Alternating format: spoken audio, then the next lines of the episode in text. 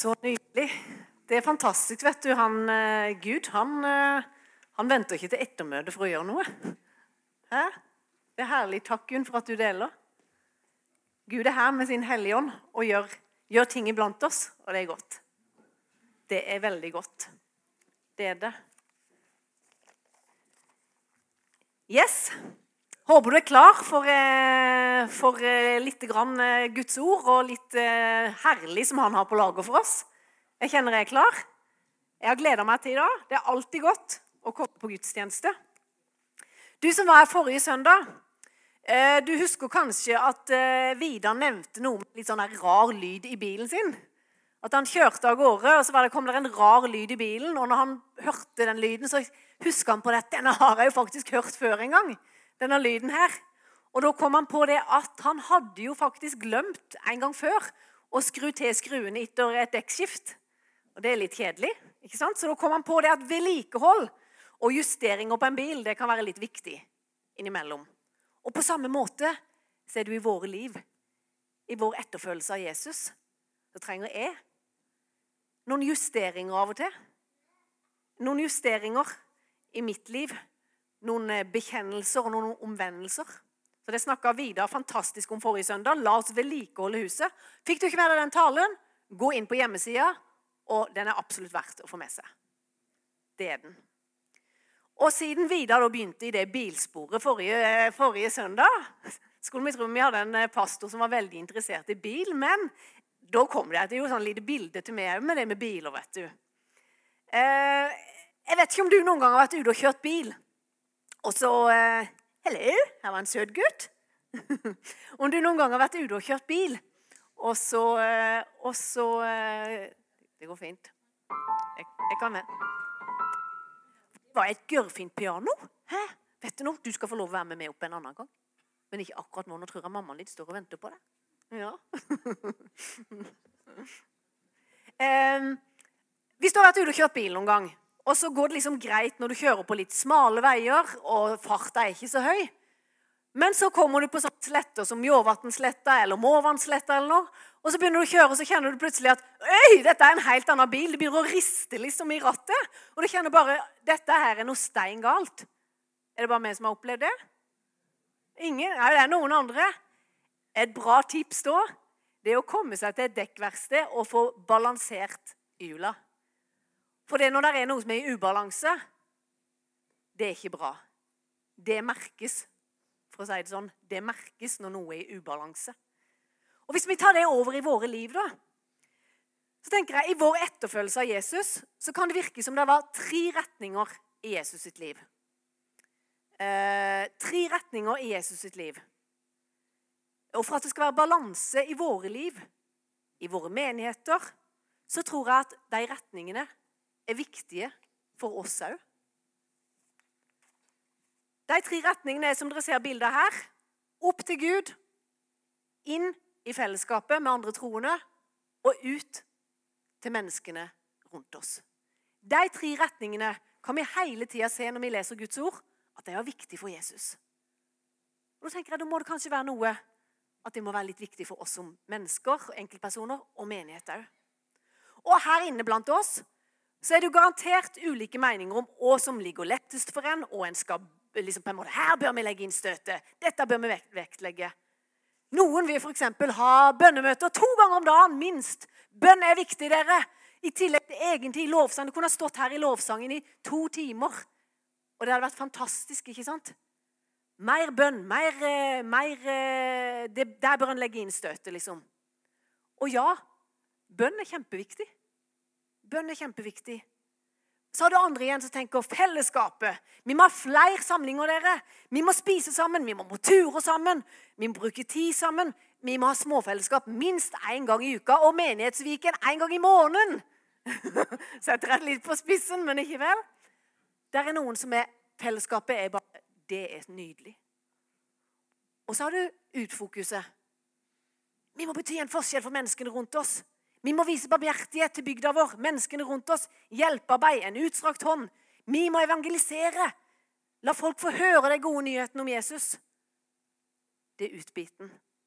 Og alle de tre retningene, opp og inn og ut, det er viktig i forhold til forkynnelse, vi som har forkynnelsen her. Det er viktig i forhold til hverdagslivet vårt.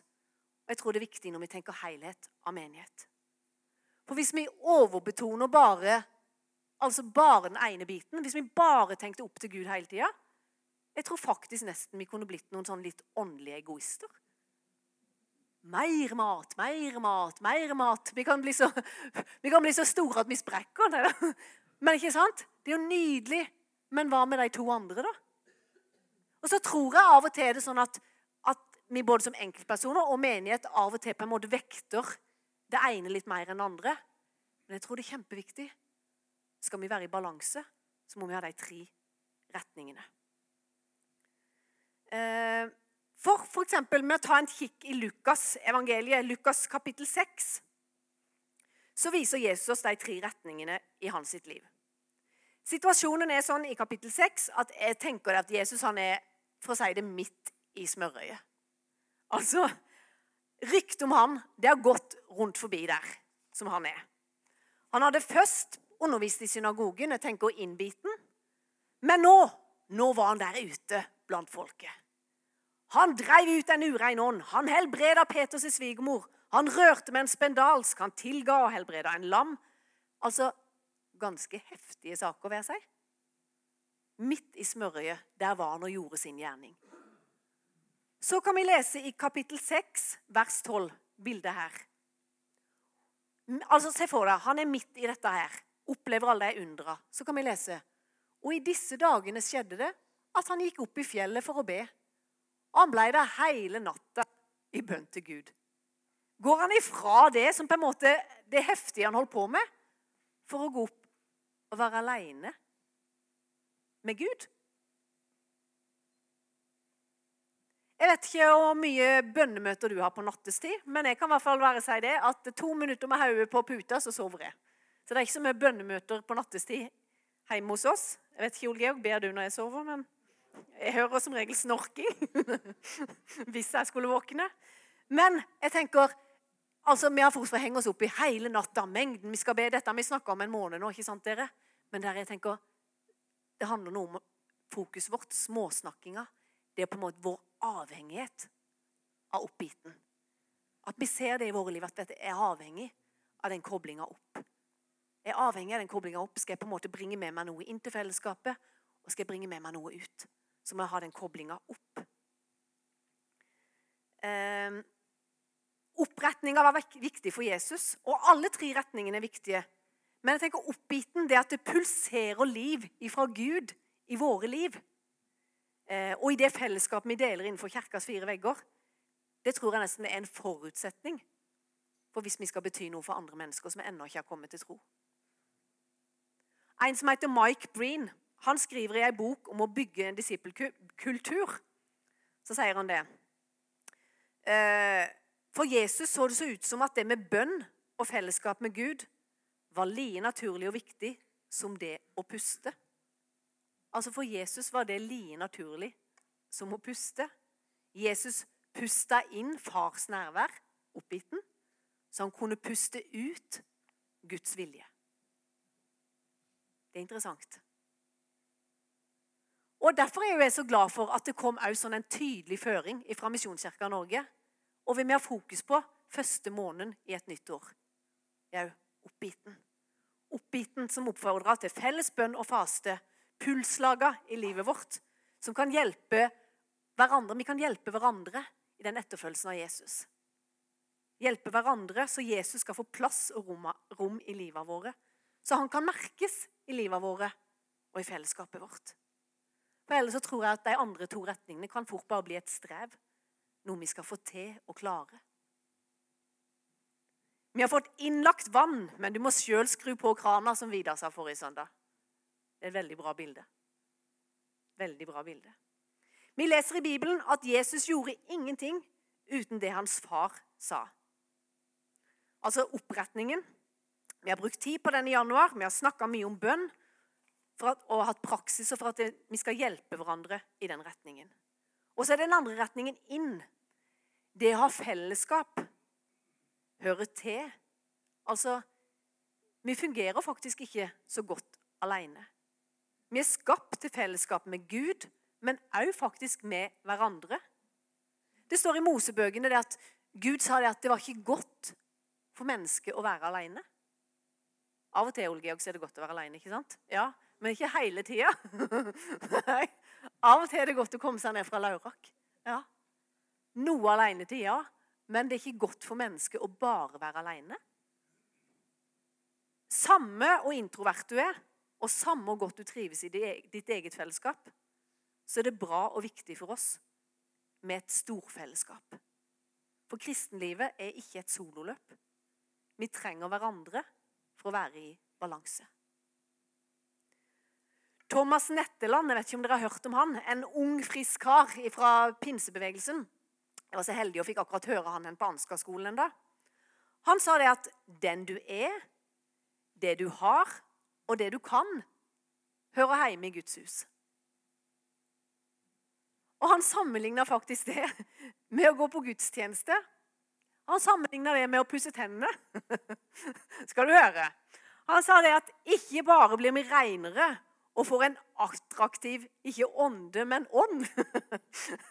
For det er både tannpuss og gudstjenester. Den maksimerer sin funksjon når det blir en god vane i livet vårt. Har du tenkt på det? Uansett hvor trøtt eller sliten du er Altså, jeg er sånn der, eh, jeg er avhengig av veldig mye søvn. Jeg legger meg, altså, piner meg til halv elleve i ukedagene. Jeg kunne ha lagt meg halv ti òg, men eh, det er jo eh, I går i går så hadde vi en fantastisk bursdagsfeiring her, og vi hadde overnattingsbesøk. Jeg tror jeg så på klokka halv tre når jeg gikk inn på badet i natt. Ja, Og det er, liksom, det er veldig seint til å være med. Men da jeg gikk inn på badet, så var det ikke sånn jeg sto der og tenkte Å, jeg er for trøtt nå, eller Åssen føler jeg meg nå? Åssen har denne dagen vært? Skal jeg pusse tennene, eller skal jeg ikke? Sto og kjente lenge på det. skallet, eller? Åh, før jeg setter i gang. Nei, vet du, Jeg gjorde det jo bare. Det var faktisk sånn at Jeg har ikke tenkt egentlig på det før nå, at jeg pussa tennene i går kveld. Samme hvor trøtt jeg var. Så gjorde jeg det bare. For jeg har bygd en vane i livet mitt. At pusse tennene det er bare noe jeg gjør. Og jeg vet at det er jo ikke krise om jeg en kveld ikke pusser tennene. Jeg får ikke hold, eh, hold i tennene fordi jeg ikke gjør det én dag. du skjønner. Men jeg vet at i det lange løp, hvis jeg lar være å pusse tennene hver dag I lange løp da, så er jo ikke det bra for meg. Ser du bildet? Gudstjeneste er bra for meg. Det er bra for meg i det lange løp. Det hjelper meg i etterfølgelsen av Jesus. Nei, det er ikke alltid like lett å komme. Jeg er sliten, men jeg har valgt å bygge inn en god vane. Og det er ikke alltid like lett. Det er det ikke. Det er noe vi kan lese om i eh, apostelens gjerninger. For noen så er det kjedelige ord, eller utfordrende ord, som trofast og hver dag, står det om. Men ser ut som at det har en avgjørende betydning hos de første kristne. Vi kan få neste bilde, Jonas. Apostelens gjerninger 2, 42 47. Fra denne dagen la de stor vekt på apostelens undervisning og lære, fellesskap med hverandre Og det var veldig kink i nakken. Sånn. Jeg tror vi må lese her. Fra denne dagen la de stor vekt på apostlenes undervisning og lære, fellesskap med hverandre, nattverd og bønn. Dette ble prioritert og Står det for noe? Holdt fast på, ja. Hm. Alle som var der, ble fylt av en enorm frykt for Gud. Apostlene gjorde mange tegn og under, og alle som trodde, holdt sammen og hadde alle ting felles. De solgte det de eide, og delte med hverandre, alt etter som enhver hadde behov. De møttes daglig i tempelet og hadde nattverd hjemme. Med glede og oppriktighet kom de sammen og hadde fellesskap rundt matbordet. Hele tida lovpriste de Gud, og de ble respektert blant folk. Hver dag kom det nye som ville overgi sitt liv til Kristus og bli med i menigheten. Dette er henta fra Hverdagsbibelen hvis dere syns det var litt andre ord. Jeg sier ikke at nå skal du gå og selge alt du har, og vi skal møtes hver dag og i det hele tatt. Det er ikke det jeg sier. Men det kan virke som at vanene som disiplene bygde, på en måte var et slags springbrett for de tegn og under og mirakler de fikk være med på. De bygde et fundament som ga dem fart i utretningen. De ga seg til fellesskapet. De fikk være med på det Gud gjorde, og i og gjennom deres liv på måter som jeg tenker at jeg aldri hadde drømt om eller tenkt at var mulig. Og hva det de holdt fast på og prioriterte? Bønn, Bibel, brorskap eller fellesskap, brødsbrytelse, nattverd. De fire benene. Det holdt de fast på. De første kristne samla seg snart som egne fellesskap. Og på alle steder der evangeliet om Jesus ble forkynt, så ble det kirker etablert. Og gudstjenesten det ble på en måte et, sånt, et synlig uttrykk på at vi er kalt sammen, kalt sammen med en treenige Gud, og med hverandre. Og jeg tenker det at veldig fort så er det sånn at vi lever jo i denne verden, men ikke av denne verden. Men det er veldig fort at vi drar med oss elementer fra denne verden inn i vårt menighetsliv, inn i vår gudstjenesteliv. Det er helt naturlig, for vi blir påvirka. Om du tenker det eller ikke, så gjør jeg gjør det i hvert fall. Altså Reiser vi på Kulturhuset på konsert, ser du i avisa etterpå, da, så er det en terningkast, anmeldelse, på åssen det var på den konserten. Det er fort at vi kan sitte og gi terningkast. Ja, i dag var firen, nei, lovsangen det var en firer. Ja, sånn cirka. Tale, nei, det var en toer. I dag ga du meg ingenting. Det var helt, nei, det var ingenting for meg i dag. Også, og det handler ikke om at vi skal evaluere, ja. Og i lederskapet vi evaluerer. Vi har alltid måter vi kan forkynne bedre på, måter vi kan på en måte få ting tydeligere fram på. Det handler ikke om det. Men vi må ikke glemme hva gudstjeneste egentlig er for noe. Det er først og fremst dere, en samling for å feire Jesus sin død og oppstandelse. Det er det vi samles for. Det Jesus har gjort for oss. Han er vårt fokus. Han er vårt fokus i gudstjenestene. Og at vi kan hjelpe hverandre til å komme sammen og rette blikket vårt opp til Gud. Det handler om Jesus hvem han er, og hva han har gjort for noe. At vi kan på både takke han, uansett om livet eller åssen dagen er. Så er det noe med at om vi kommer sammen til gudstjeneste, så kan vi hjelpe hverandre til å se på Golgata. Nei, nå er livet tungt. Ja, det er tungt av og til. Nå er livet pyton. Ja, det er pyton av og til. Sånn er det for oss alle. Så trenger vi dette fellesskapet for å hjelpe hverandre. Men Jesus, uansett åssen dagen min er, Jesus, så fortjener du min takk. Jesus, du har gjort alt for meg. Jesus, du er grunnen til at jeg er her i dag. Takk, Jesus. Takk, Jesus, for Golgata. Feire hans død oppstandelse.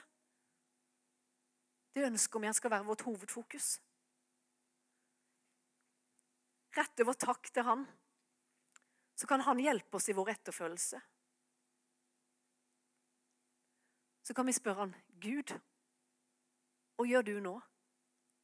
Og kan jeg få lov å være med på? Han samme Thomas Netland som jeg sa til, han, han sa noe som jeg måtte stoppe litt med og tenke litt på. For han sa denne setningen. Gud kaller ingen ut av Guds hus. Så tenkte jeg, hæ? Hva er det du sier for noe? Dette var litt merkelig. Hva mener han nå? Skal vi liksom ikke se trekant? Det er jo en utbit, liksom. Jau, selvsagt er vi kalt til å bety en forskjell for menneskene rundt oss. Men gudstjenesten, fellesskapet mellom oss, er viktig. Og det er på en måte ut ifra dette fellesskapet, ut herfra, så blir vi sant. Altså det vil si, Gud kaller ingen vekk ifra fellesskapet, men han kaller oss ut ifra fellesskapet til menneskene der ute. Vi trenger fellesskapet. Han kaller oss inn, for så å sende oss ut. Det er en helt annen, annen, greie. Så da skjønte jeg ja, det er jo det, selvfølgelig.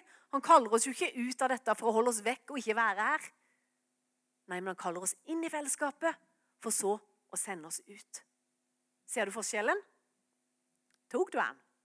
Ja, veldig bra. Ja. For det er, jo, det er jo sammen for å tilbe Han, sammen for å se Han, sammen for å takke Han. Og så ut ifra det livet der så kan vi få lov å bli sendt ut. Derfor så henger jo alle de tre retningene i trekanten sammen. Opp til Gud. Ut ifra Han så strømmer alt liv. Så er vi sammen, et fellesskap av troende som følger etter Jesus, for å gjøre Han kjent i denne verden. Så er det jo sånn at fellesskap, menighet, det er ikke alltid like lett for alle. Det er ikke alltid like lett for alle. Og jeg tenkte på det når Gunn kom med, med det hun opplevde og hun fikk. Selvfølgelig ikke fellesskap like lett for alle. For, altså, Vi har fått stemmer talt inn i livet våre. Vi har fått høre ting som har blitt sannheter for oss. Nei, du kan ikke noe. Du er ikke bra. Du er ikke verdifull.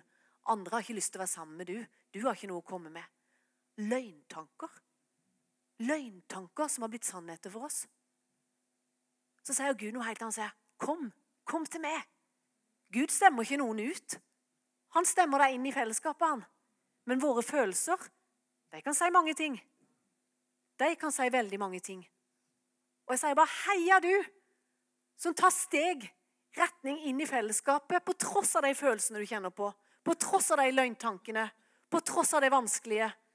Heia du som tør å komme her. Og jeg vet det er mennesker her som sier at det er kjempevanskelig å komme her på søndagen. For det er sånn en kamp, det er så mange tanker, det er så mye som prøver å dra meg vekk. Men som allikevel tør å ta steg inn i fellesskapet. Enormt modig. Vi må ikke glemme det at for noen så er fellesskap vanskelig. Det må vi ikke glemme. Husk, Jesus stemmer deg ikke ut. Tilbake til apostlenes gjerning og de første kristne som møttes. Jeg tror ikke de kom sammen av tvang, av dårlig samvittighet eller av og til gratis mat. Jeg tror ikke bare det var motoret deres for å komme sammen. Jeg tror de kom sammen for de var blitt berørt av Jesus. De var blitt berørt av Jesus, og de så på fellesskapet med andre troende som livsviktig. Livsviktig for deg. Det var i takknemlighet til Jesus og det han hadde gjort på korset, og gjennom Den hellige ånds kraft, at de kom i sammen, og de bygde fellesskap i sammen. Og Det er så fort for oss å tenke ja, det må ha vært lett for dem. Nei, hvis vi tar en stopp og kikker litt, så var det ikke bare lett for dem. Vi må ikke glemme det. Det var ikke bare lett for dem. Og de var vanlige mennesker. De krangla, de var uenige, men de måtte lære å forstå hverandre. De måtte lære å ta imot fra hverandre, tilgi hverandre, slipes av hverandre. Kanskje ikke så rent ulikt åssen det er for oss å være i relasjoner i dag, både i vennskap, i ekteskap og i menighetsfellesskap. Sykt mye lettere det har vært hvis Ole Georg bare var helt lik meg. At han bare tenkte likt som meg. vet du, Det hadde vært så mye lettere. Ikke sant? Og veldig mye lettere det hadde vært i et menighetsfellesskap hvis alle var som du. Da hadde det vært enkelt å forholde seg til andre mennesker. Ikke sant? Vi trenger å slipes litt. Og det er ikke alltid lett. Det kan være utfordrende. Men jeg tror det var ganske utfordrende for de første disiplene òg.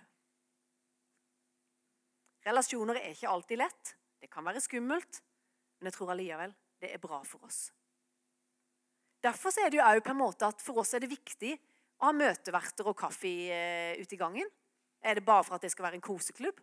Nei, for det handler om at vi tror det er viktig å se mennesker når mennesker kommer inn i menigheten vår.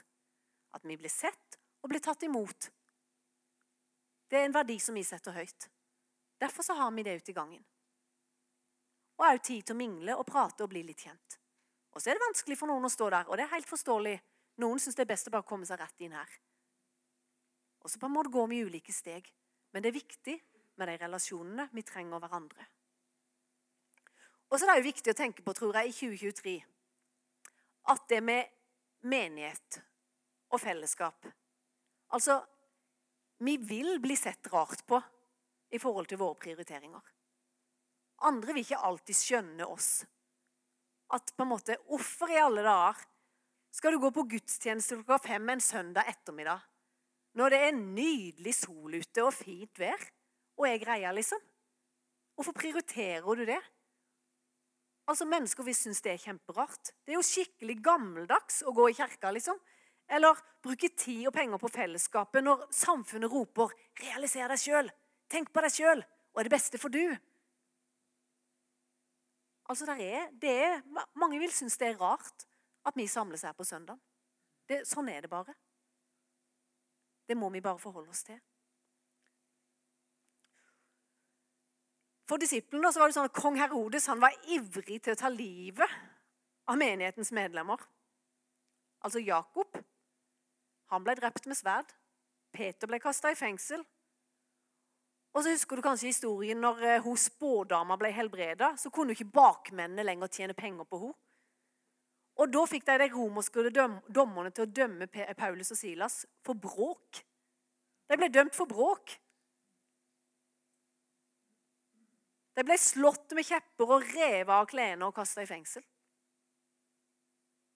Så er det klart at vi vil bli sett rart på. Vi vil, altså Det livet vi lever i etterfølgelse av Jesus, det vil av og til koste oss, og vi vil bli sett rart på. Og I denne settingen som på en måte disiplene hadde, med det som bakteppe, så kom den første kirka sammen, og det står at de kom sammen i oppriktig glede. Det er bakteppet. Men de kom sammen i oppriktig glede. Og jeg tenker Vi rommer oss selvsagt hele livet. Det er ulike årstider. For alle oss som er her inne, så er det ulike årstider i livet.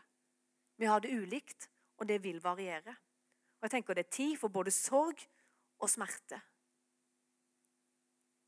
Men vi må aldri glemme at det er ikke Jesus død og begrava, men det er Jesus som den levende oppstandende, som er grunnen til at menigheten er, og til at det er Jesus vi feirer når vi samles.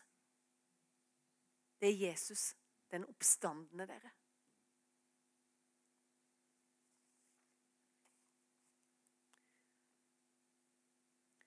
Guds rike liv det strømmer ut ifra livet med Jesus. Og så er vi et fellesskap her, sammen av troende og ikke perfekte mennesker. Det er ikke Guds menighet, det er ikke perfekte mennesker.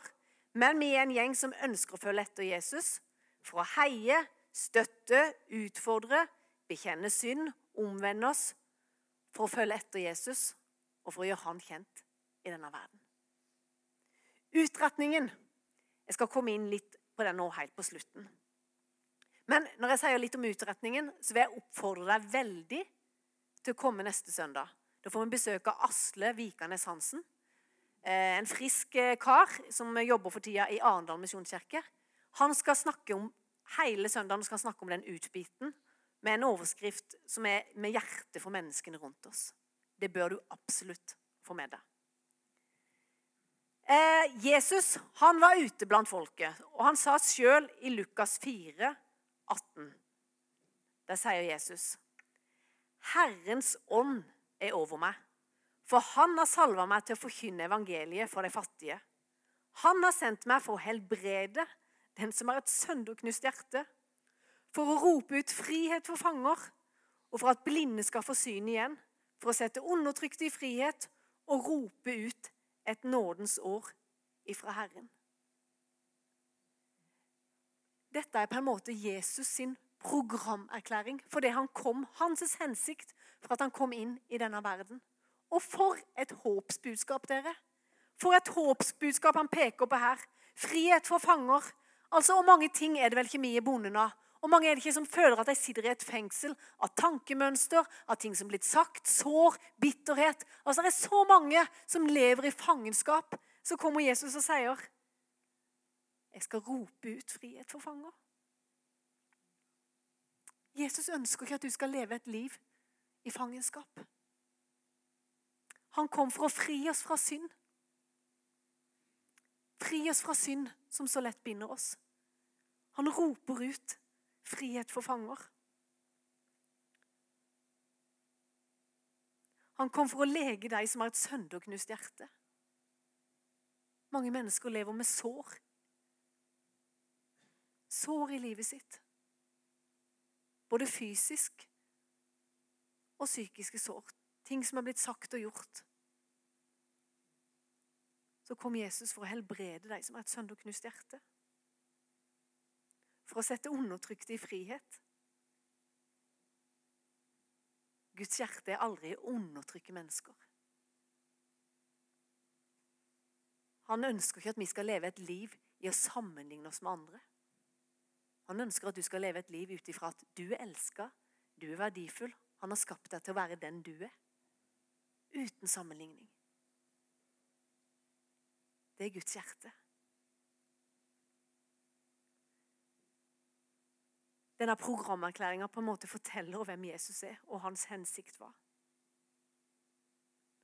Og så ikke bare stopper det der, men så sies det videre i 1. Johannes 4, 17. Slik som han er, er vi i denne verden. Alle som har tatt imot Jesus. Sånn som Jesus er, sånn skal vi òg få lov å være i denne verden. Gud salva Jesus. Du som har tatt imot Jesus, er blitt salva med Den hellige ånd til å bety en forskjell i denne verden. Du skal få lov, gjennom å peke på Jesus, være med å sette mennesker ut i frihet. Fordi Jesus bor i deg, og han har sendt du videre. Du skal få lov å være med på den samme programerklæringa som Jesus sa om sitt liv. Den skal du få lov å være med og gi videre til andre mennesker. Og Det handler ikke om hva du skal få til, men å stille dette spørsmålet som jeg har gjentatt så mange ganger, som har gitt og lært meg så enormt mye i livet, som Martin Cave fra Stavanger har lært meg. Hva gjør du nå, Gud? Og kan jeg få lov å være med på? For det handler ikke om meg, det handler om å koble meg på han. Han som har gjort alt. Jesus levde for noe mer enn seg sjøl, og det livet det er vi òg kalt til å leve. I Johannes 20, 21, igjen sa Jesus til dem, fred være med dere. Som far har sendt meg, sender jeg dere. Utbiten i trekanten. Som far har sendt meg, sender jeg dere. Så stoppa det ikke der. Han pusta på dem, og så sa han, ta imot Den hellige ånd. Og kraften, den er gitt til sendelsen. Kraften er gitt oss til denne utbiten. Og så er det sånn at Tanken på det å skulle uttrykke eller leve ut troa si er noe annet enn dette lukkeområdet her inne. Det er jo lett her å løfte hender og bekjenne og juhu! Men åssen er det når vi kommer ut? Åssen er det når vi kommer ut? Her kan en kjenne seg trygg, men det kan være ganske skremmende å komme ut. Så må vi ikke glemme hva er det Jesus har sagt? Frykt ikke, for jeg er med dere alle dager. Ikke bare noen dager, ikke bare de juhu, halleluja-dagene, men alle dager har han sagt at han er med oss. Så er det sånn at Før i tida så hadde vi kanskje litt mer hjelp, for da hadde de fleste gått på søndagsskole. De fleste hadde mer, hadde mer felles moral, felles språk. Eh, du hadde på en måte hørt mange bibelhistorier på skolen. Altså, sånn, sånn er det ikke lenger. I dag er det faktisk en hel generasjon av ikke-troende som aldri kommer til å sette sine bein i denne kirka hvis ikke de får et positivt møte med du eller meg som har en levende tro der ute.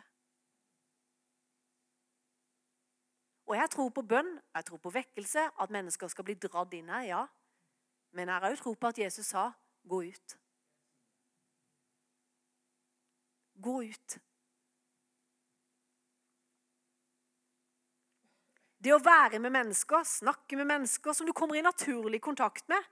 Eh, vi hadde overnattingsgjester i natt av en eh, Jim som er pastor i Lyngdal. og Han sa at han har begynt med svømming. Eh, for helsa si og alt så var han på svømming. og Han tenkte ikke på det, sånn han ba ikke noen lange bønner. eller sånn at, å nå, Gud, må du bruke meg når jeg kommer der på svømminga. Men han reiste rett og slett på svømming fordi han visste at det var bra for helsa si. Og han trengte det. Men det han opplever når han kommer der, er at han har fått så enormt mange samtaler der i det svømmebassenget, holdt jeg på å si.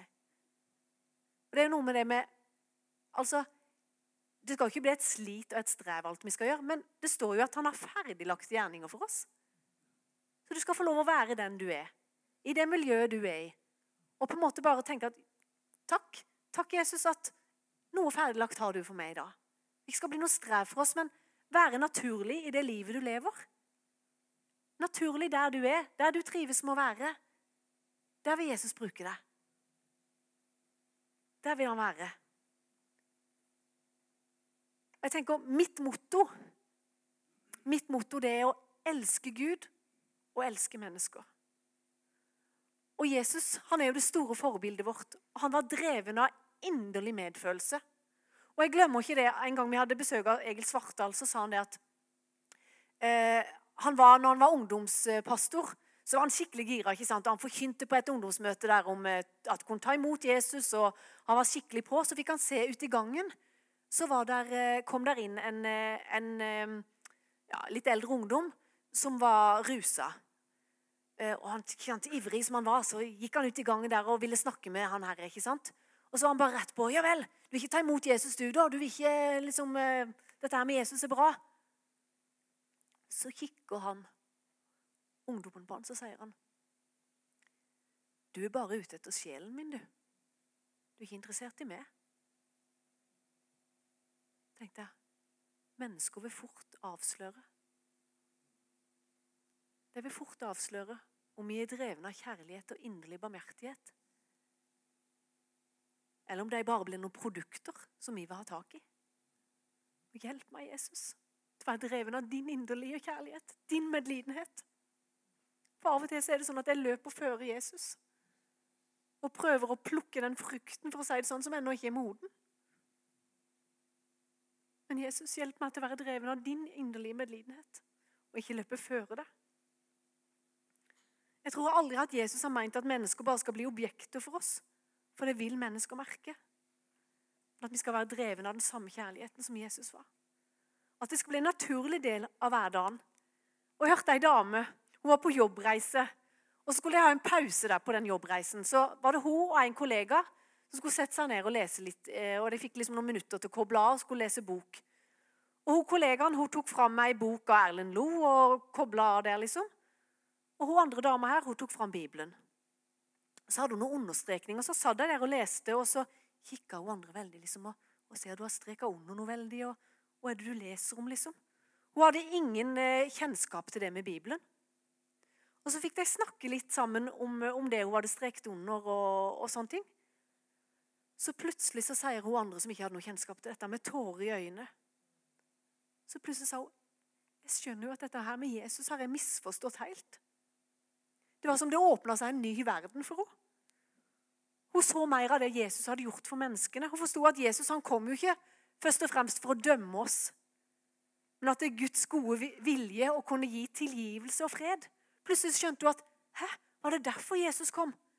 Hun hadde jo bare hørt om alle lovene og buda. Var det derfor Jesus kom? Denne dama tok noen steg i retning av Jesus denne dagen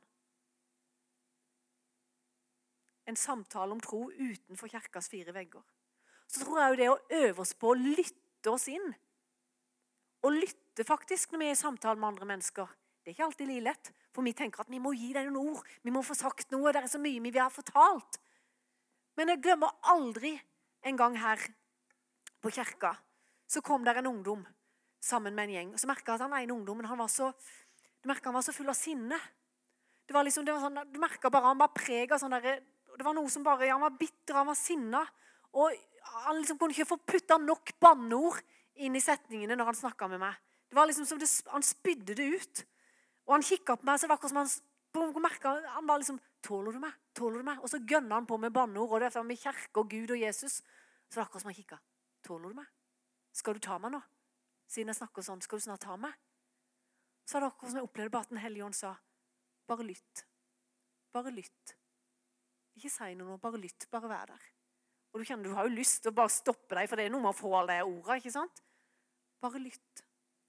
Og så sto jeg der og lytta litt, og så spurte han åssen har du det egentlig?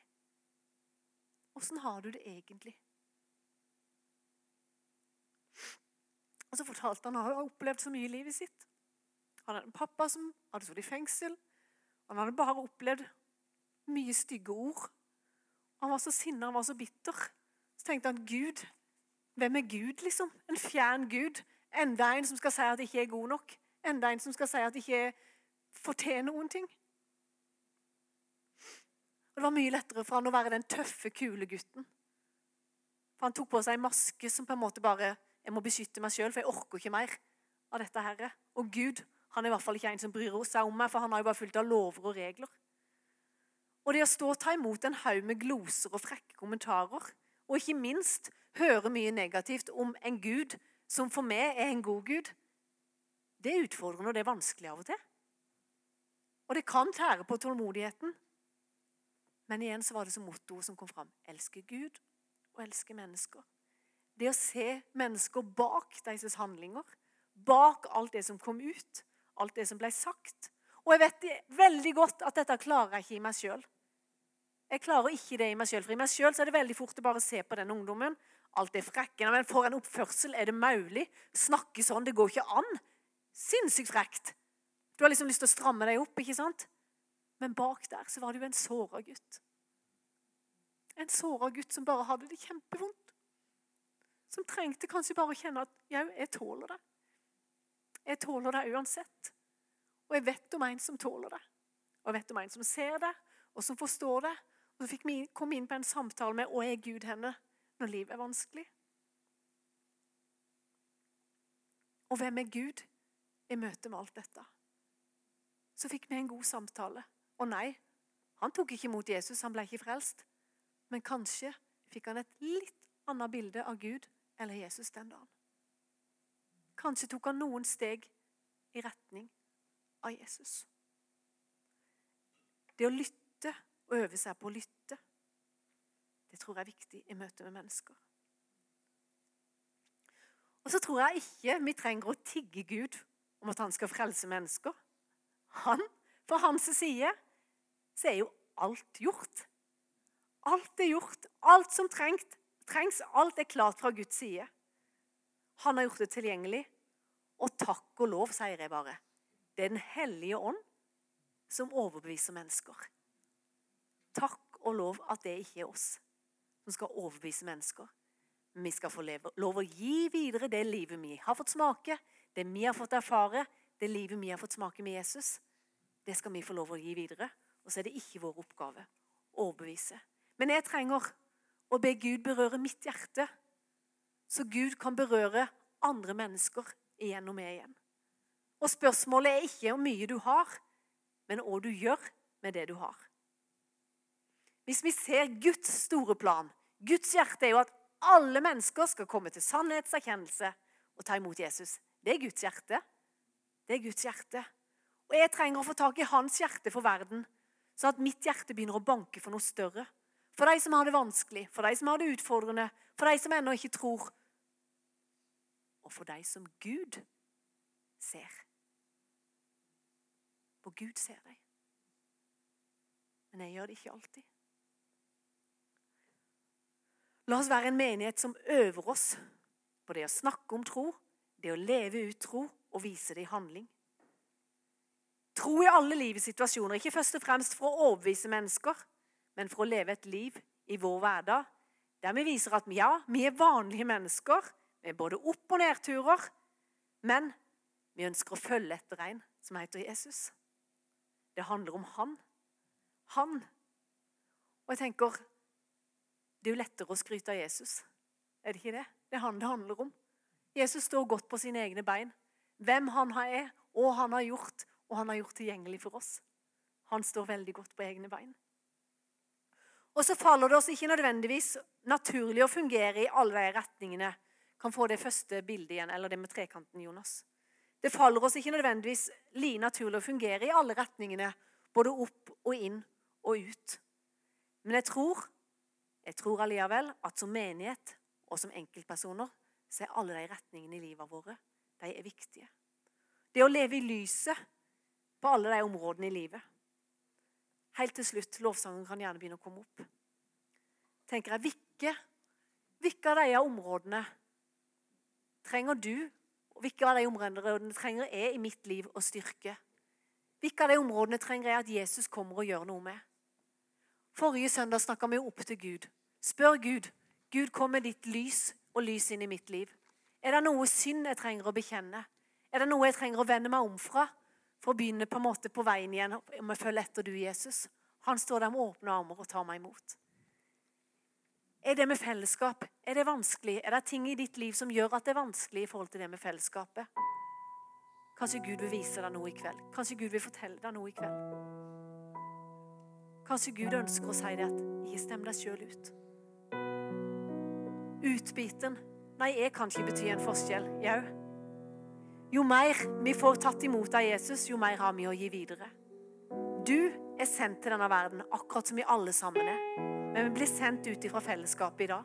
Vi blir sendt ut fra menigheten til å bety en forskjell for mennesker der du er i din hverdag. Men jeg trenger stadig å si Jesus. Jesus, gi meg dine øyne. Jesus, gi meg dine øyne for menneskene jeg møter. Jesus, hjelp meg å se bak alt det jeg møter og elske mennesker sånn som du elsker dem. Takk, Jesus, at du legger ferdiglagte gjerninger. Vi reiser oss opp, og så søker vi Gud i sammen. Jesus, takk at du er her med din gode Hellige Ånd. Takk, Jesus, at du levde et liv med tre retninger som var tydelige i ditt liv, Jesus. Og Jesus, jeg bare ber deg om at du må hjelpe oss til å ligne du, Jesus. Og så vet vi inderlig godt at vi får det ikke til sjøl, Jesus. Men kom du med din Hellige Ånd. Kom du med din Hellige Ånd nå og vis hvilke områder i livet som jeg trenger å styrke. Og hvilke områder menneskene her trenger å styrke. Så takker jeg Jesus for at det ikke er noe du har meint at vi skal fikse alene, men du ønsker at vi skal komme til du. At du får berøre oss med din gode Hellige Ånd. Og Jesus, hjelp oss som menighet til å ha balanse på de tre områdene. Jesus, vi ønsker å ligne du i denne verden. Vi ønsker å be for bygda vår Froland, Jesus. Vi ønsker at mange nye mennesker Jesus, skal få lov å bli kjent med du, Jesus. Takk at du vil bruke vår menighet. Takk at du vil sende oss ut ifra vår menighet. Takk at vi skal få lov å leve det Jesuslivet der ute, Jesus. Og Jesus, at mennesker ser det, Jesus, at vi har noe, Jesus, som de lengter etter, Jesus. Takk at du har salva oss, Jesus. Takk, Jesus, at du har sendt oss ut, Jesus. Takk, Jesus, at vi har et fredens budskap å komme med. Takk at vi skal få lov, Jesus, å være med og sette mennesker i frihet, Jesus. Fordi du har satt oss fri, Jesus. Takk at du skal bruke oss, Jesus, til du er det du har tenkt. Og takk for dine ferdiglagte gjerninger, som du har for alle, Jesus. Det er ikke for noen, Jesus, men det er for alle. Jesus, bare kom med din Hellige Ånd nå og rør med oss. I Jesu navn.